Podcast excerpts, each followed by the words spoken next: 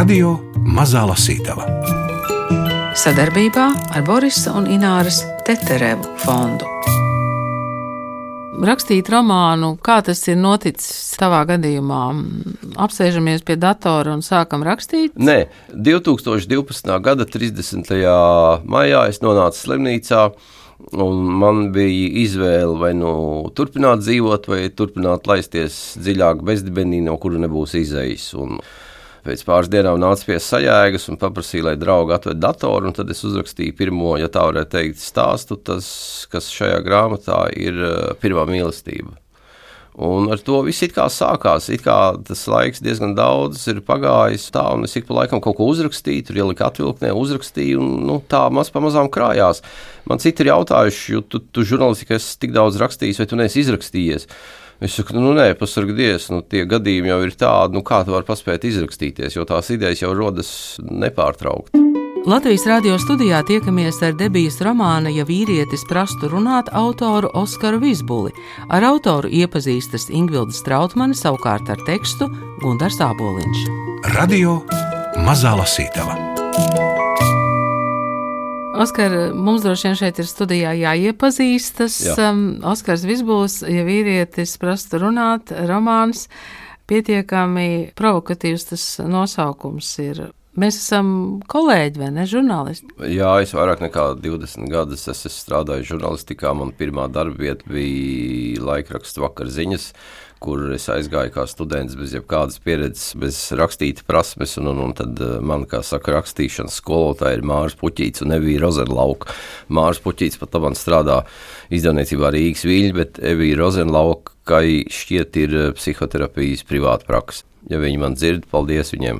Ļoti interesantas pieredzes, eh, kādas ir no vakara ziņām. Bet, nu, kad žurnālists sāk rakstīt grāmatu, Nu, varbūt tas nav nekas tāds unikāls, bet tomēr katra atsevišķā žurnālista pieredze, sākot rakstīt grāmatu, ir unikāla, vai ne? Drīzāk tā problēma ir tāda, ka žurnālisti vienmēr cenšas izteikties eh, skaidri, vienkārši, kā saka, neatstājot nekādas vietas interpretācijām. Un tā, man liekas, ir tā žurnālistikas sliktā blakne, ja tu raksti prózu. Tāpēc es bieži sev pieķeru pie tā, ka es šeit neesmu uzrakstījis pārāk dokumentāli, bet, nu, acīm redzot, nu, tāds ir tas, ja tā varētu teikt, mans stils. Vai tas ir krājies, romāns ir sakrājies no varbūt tādiem pastāstiem, kas nāk no dzīves, vai, vai nē? Gan no dzīves, gan arī tiekoties ar dažādiem cilvēkiem, kad tu, teiksim, uztaisi materiālu un saproti, ka tur daudz kas paliek pāri.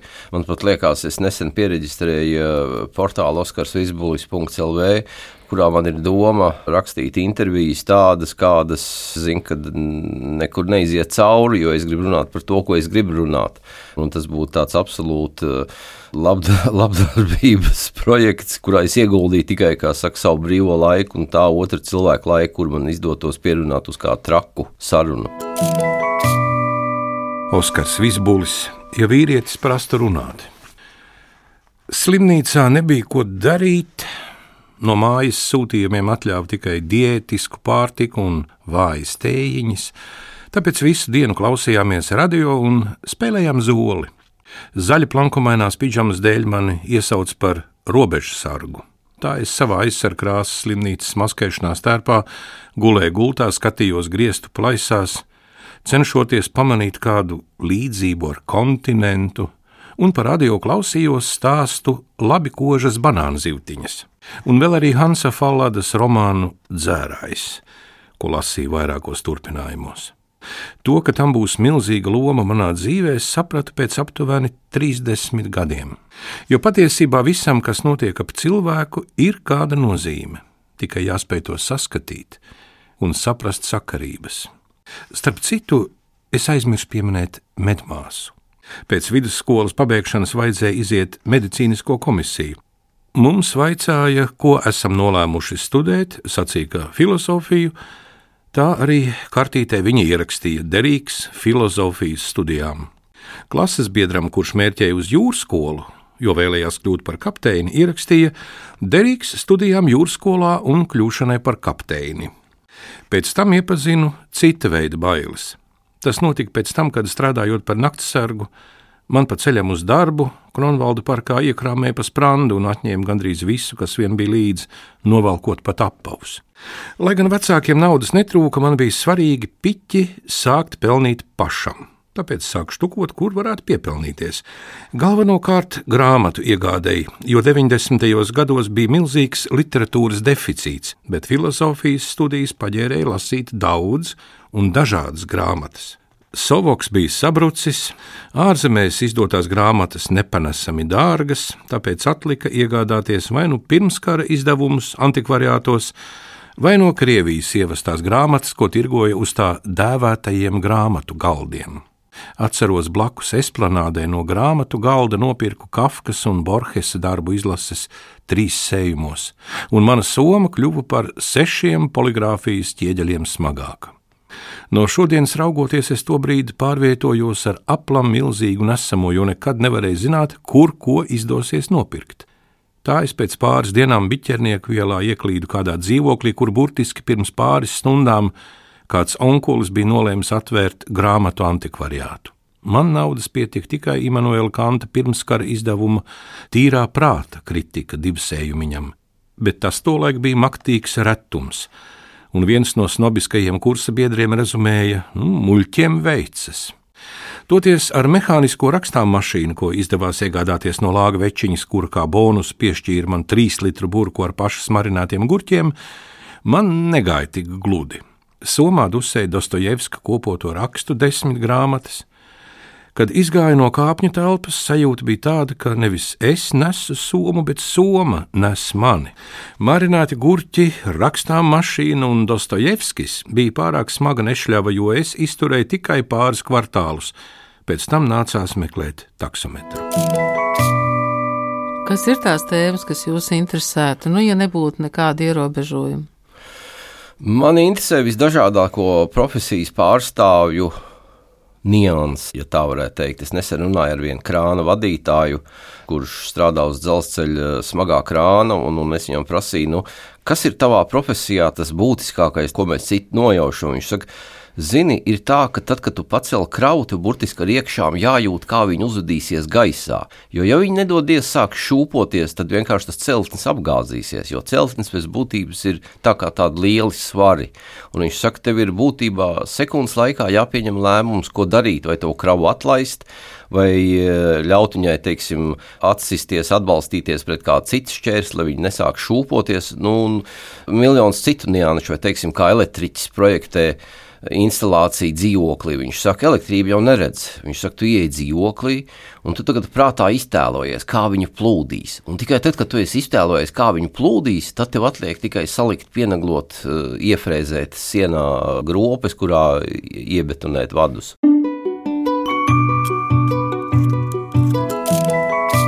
Pagāja aptuveni pusgads, līdz iemācījos neraustīties no pretīmnācējiem tumšā diennakts laikā. Kopmītnēs kāds vēsturnieks piepelnījās vienā no lielākajiem dienas laikrakstiem par kriminālo ziņu reportieri, un es viņam visos smalkumos izstāstīju, ka man toreiz nospēra jaku, apavus un somu, Francisa Bekona grāmatu jaunais organons ieskaitot. Tas bija iemesls kursa biedru jautrībai, kuri zināja, ka naktīs apsargāja kādu firmu. Turklāt tobrīd mums bija seminārs par šo angļu filozofu, un normāli cilvēki šādas grāmatas līdzi nenēsā. Pāris metru attālumā no vietas, kur man ieblieza ar cietu priekšmetu pa sprandu un es saļimu zālītē, atradās tenisa klubs. Naktsargam palūdza, lai izsauc policiju un ielaiž mani apsildīties, jo oktobra vakar ir pavēsi un stāvēt zeķēs uz asfalta no dienas nav komfortabli. Acīm redzot, vīram bija četracīga saruna ar kādu meitieti, cik man izdevās pamanīt pa pavērto durvju spraugu. Policiju viņš izsauca, bet iekšā neaicināja. Viena izsniedza divas gumijas čībiņas, kuras tā arī viņam neatdevu. Jo atbrauc policija un aizveda mani uz sarkandāgavas policijas iecirkni. Man vajadzēja sēdēt un gaidīt aptuveni stundu, bet nekas nenotika. Laikam sīku laupīšana 90. gadu sākumā bija pa pilnam, un nevienam nebija vēlēšanās smērēt papīrus. Pēc stundas neizturēju, Piecēlos un kādam policistam vaicāju, kad varēšu iet. Viņš teica, lai aizvaros, vai arī tūlīt dabūšu pa purnu. Nācās viņam pieklājīgi paskaidrot, ka neesmu zaglis, bet apzaktais. Policists nedaudz atmaiga un teica, ka darba līdz kaklam papīru smērēšana atņem daudz laika.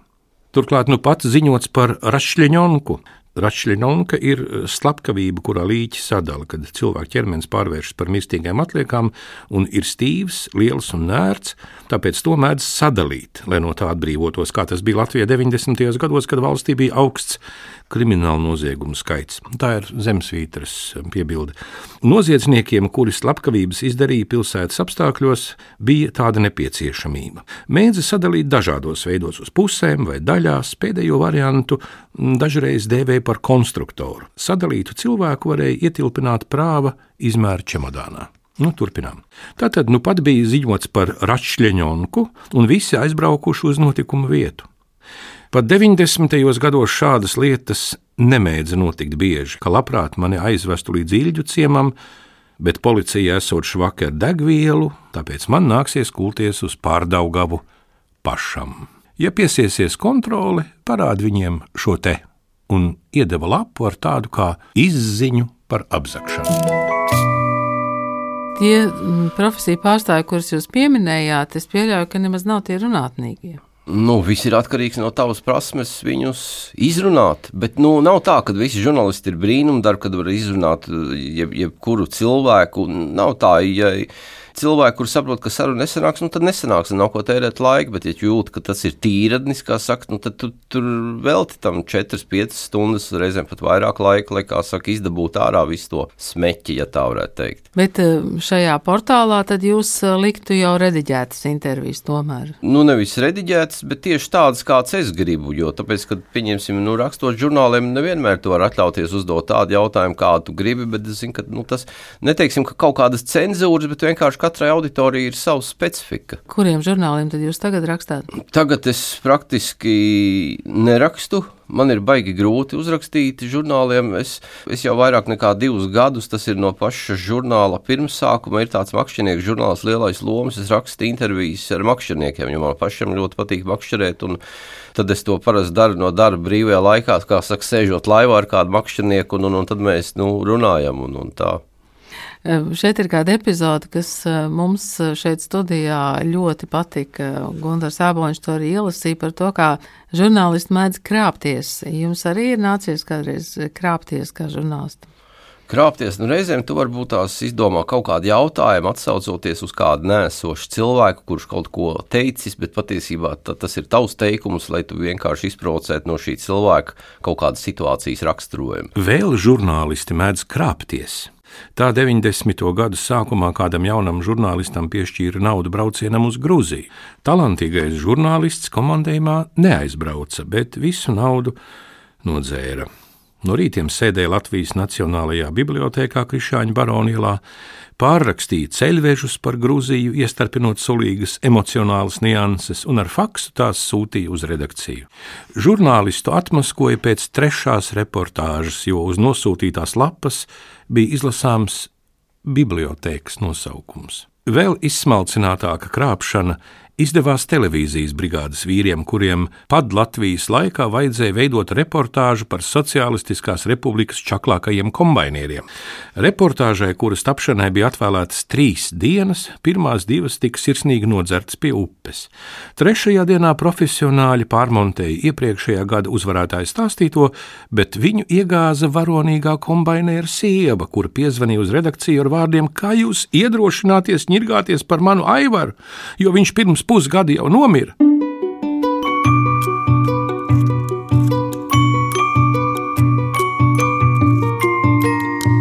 Radio Mazā Lasītava.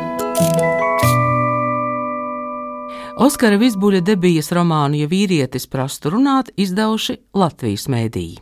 Vēl esmu ievērojis, ka intervijās, kas ilgsta vairāk nekā stundu, tieši pēdējās minūtēs iespējams uzzināt visinteresantākās profesijas nianses jo aptuveni pēc 40 minūtes žurnālists un intervējumie jūtas nedaudz noguruši. Kad intervēja policijas ģenerāli, pa atvērto logu kabinetā ieplūda bēru mūzikas skaņas, jo blakus atradās kapi. Pavaicāju, kā viņš vēlētos, lai viņu apbedī - zārkā vai kremētu pelnu veidā. Nu, jūs veči uzdodat jautājumus, viņš sāk smieties. Mēs piecēlāmies, un varbūt tā arī bija pozas maiņa, kas pēkšņi smadzenēs uzjundīja jaunas atmiņas, un viņš sāka stāstīt, ka policijas darbā viens no bīstamākajiem ir izdegšanas sindroms. Lai atbrīvotu uzvilktos nervus, policisti bieži sāk dzert. Un brīdis, kad jāiet prom no policijas, esot tad, ja profesionālis ikdienā cilvēkā sāk saskatīt noziedznieku. Tādēļ viņš jauniem policistiem, kuri pārslodzes dēļ jūt tuvojamies vispārēji dzīves apnikumu, iesaka aizbraukt un nostāties zem kāda dzelzceļa tilta un kārtīgi izkliegties, kad pa to brauc vilciena sastāvs. Tas brīnišķīgi atbrīvojot nospriegotos nervus. Vēl līdzot nodarbošanās ar sporta veidiem, kad ar roku jāveic atvēzējošas kustības, piemēram, volejbols, tenis, skvošs. Padomju gados Maskavas laikrakstu redakcijas ar nemainīgu biežumu esot apciemojis kāds čainiks, cilvēks Teikanna, Visbiežāk tas noticis pilnmēnesis laikā. Par tādiem dēvēja sociāli nekaitīgas būtnes, kas spēja iekļauties sabiedrībā, strādāja kādā visnotaļ cienījamā profesijā, taču viņu smadzenēs bija noticis neliels īss savienojums, un viņi no sirds bija pieķērušies kādam fantastiskam projektam, kura realizācijā ieguldīja visu savu brīvo laiku un amata prasmes. Šis čainiks bija arhitekts, uzprojektējis alus bāru ar 15 stāviem jo PSRS taču sastāvēja no 15 brālīgajām republikām.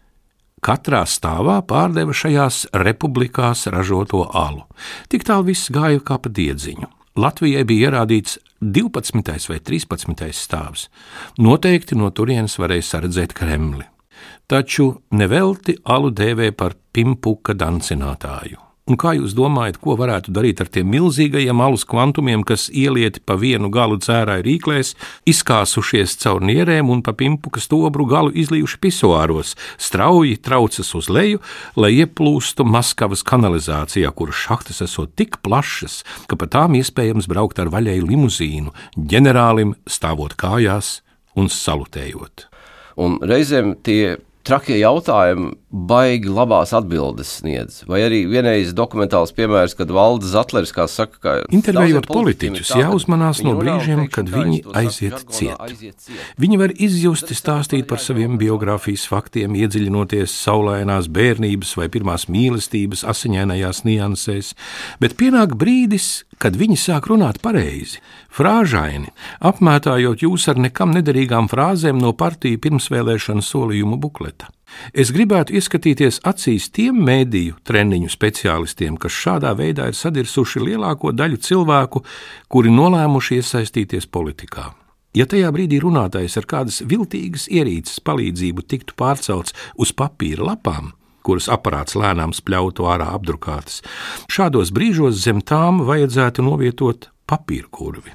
Īpaši spilgti atceros, kad intervējām vienu no Latvijas prezidentiem. Frāzes kļuva arvien gludākas, teikumi arvien nevainojamāki, līdz es neizturēju un uzdevu jautājumu: Sakiet, kad jūs pēdējo reizi dzerāt spirtu?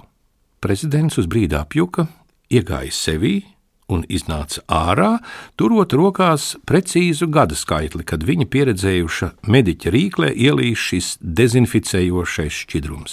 Tas bija 1986. gadā, kad Ukrainā uzsprāga Černobiļas atomelektrostacija. Tālāk sekoja brīnišķīgs stāstījums par dienestu, radiāciju, ko nevarēja redzēt, bet kas solīja drošu un mokošu nāvi pēc tam. Vai jūs jau esat saņēmis kādas atsauksmes par grāmatu? O jā, man raksta vēstules. Un, un Sievietes. Jā, bet arī vīrieši. Un es atceros, viens vīrietis teica, tas uh, virsraksts ir vai nu superģeniāls, vai super neēdzīgs. Man tas ļoti patika. Un vēl es atceros, ka viena sieviete teica, nu jā, zini, tavā grāmatā tur ir lamu vārdi. Viņa saka, bet es tagad tā padomāju, bet es taču arī lamājos. Viņa saka, un es tagad tā domāju, ja tu lamu vārdā būtu lietojis kaut kādas vai filozofiskās gudrās konstrukcijas, viņa saka, man liekas, es uz tevi lamātos kāpēc nevar nosaukt lietas tieši? Vai arī, teiksim, ļoti daudz vientuļu cilvēku raksta, un kaut kā es sapratu, ka tajā grāmatā aprakstītā vientulības tēma ir baigi daudz cilvēku aizķērus, un sieviete saka, es ar šausmām gaidu to brīdi, kad man atkal būs jāiet Tinderī. Viņi saka, un, un, un līdz šim tā pieredze ir tāda, ka nu, nekas īsti labs tur nav veidojies. Viņi saka, zini, tad labāk es iepazīstos ar, ar vīriešiem kādā celtniecības preču veikalā pie motorzāģiem. Nu jā, tur varētu būt labāks kontingents nekā Tinderī, vai ne? Vismaz neviens neizlieks labāks nekā ir patiesībā. Tas uh, stilizētais vīrs, kas te kūpina, nu, tā ir jūsu ideja uz vāka? Tā ir mākslinieks Zigmunds Laps ideja. Es uzskatu, ka vāks ir vienkārši ģeniāls. Tas Zigmunds Laps ir vienkārši ģeniāls mākslinieks. Viņš ir tā uztvēris domu, ka tad, kad man atsūtīja izdevniecība paraugu, es uzreiz yes. Ir. Jo bija aptuveni kaut kādi astoņi varianti, un no šiem bija nu, viens tāds, ka nu, man vienkārši nav ko piebilst. Pēdējais teikums ir, jo, ja ir bijusi mīlestība, varbūt beigu nemaz nav, un jautājums zīme. Nu, tas nozīmē, ka jūs esat tādas atvērtas beigas atstājis. Jā, lai katrs domā, un tāpat laikā vēlos uzsvērt, ka nu, mīlestība tas ir tas svarīgākais, kas cilvēkiem ir jāpiedzīvo. Tā būtu viena no tādām es pat nezinu, kā nosaukt parādībām vai kā, bet nu, tas ir pats svarīgākais dzīvē, manuprāt.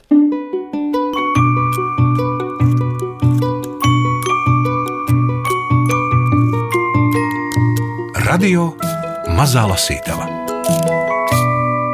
Ar Oskaru visbūvē tikās Ingvilda Strautmane, lasīja Gunārs Āboliņš, klausījās Agita Bērziņa un Nora Mitspapa, un nerunāt par makšķerēšanu ar Oskaru arī nevar, tāpat kā par rakstīšanu. Es turpinu rakstīt. Jau, jā. jā, protams. Es esmu tāds kā svētdienas rakstnieks. Man pat reizēm grūti sev nodēvēt par rakstnieku. Es drīzāk dēvēju sevi par autoru, jo man liekas, tik daudz kas ir uzrakstīts, ka man nērti saukties par rakstnieku.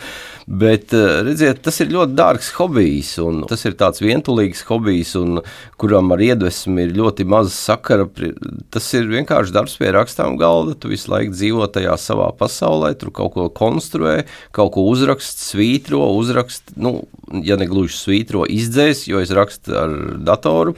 Tā ir tāda ļoti vientulīga nodarbošanās. Bankovskis, piemēram, saka, viņš dienā kādas.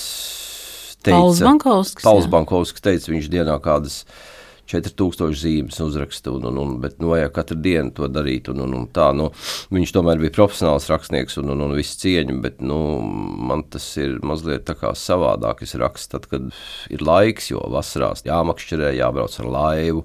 Rakstīšana vairāk tā kā ziemas tum, gada laika tumšajiem periodiem. Es taisnu par to makšķerēšanu gribēju jautāt šobrīd, kad ir nu, rudens, Jā. tad makšķerēšana vēl ir aktuāla. Jā, jā, protams, līdz principā jau var makšķerēt dažādas zivis visu gadu. Pat tad, kad ir ledus, uz ledus man gan ne īpaši patīk makšķerēt, bet pēc 1. janvāra, kad lašus varēs spinningot un, un tā, nu, jā, jā, ļoti patīk. Man ir īpaši patīk braukt ar tādu kanoja laivu pa mazām upītēm. Reizēm pat es makšķeri vispār nepaņemu rokās, vienkārši skatos zivis. Teiksim, šogad man gadījās tāds interesants posms no Lietuvas robežas līdz Nīgrandai pa Ventu. Tur laikam ir tie kaļķakmens ieži, tas ūdens ir dzidrs, un tu brauc un skaties tā kā kino tās zivis. Un vēl šogad bija tāds baigais piedzīvojums, kad es mēģināju braukt pa upi naktīs, cēlāmies kaut kādos trijos, tā bija Irbes upe. Un es vienkārši biju man liekas, biļetes varētu pārdot. Jo, teiksim, tu pirmkārt redzi ļoti daudz zvēru, sākot ar bebriem, beidzot ar zelkšiem, kur peld pa ūdeni. Tad tu tur brauc garām, pēkšņi jūt, ka ir kāda ārkārtīgi savāda smaka, un tu nesaproti, kas tas ir. Un pēkšņi kādas 20 meža cūkas satrūkstas no tā trokšņa, kad tu tuvojies un aizskrien, un tu saproti, ka tu esi izbiedējis viņus no nakts miega. Bet uh, dienā neko tādu nevar redzēt. Var redzēt, citreiz, kad uh, stirnas peld pāri. Es esmu ūdru arī dienā redzējis vien, vienīgo reizi, un, un, un tā, bet nu, naktī, naktī viennozīmīgi. Vasarās jau mūsu naktis nav tik ļoti tumšas, tā kā, nu, kad, kā saka, piķa melna tumsa.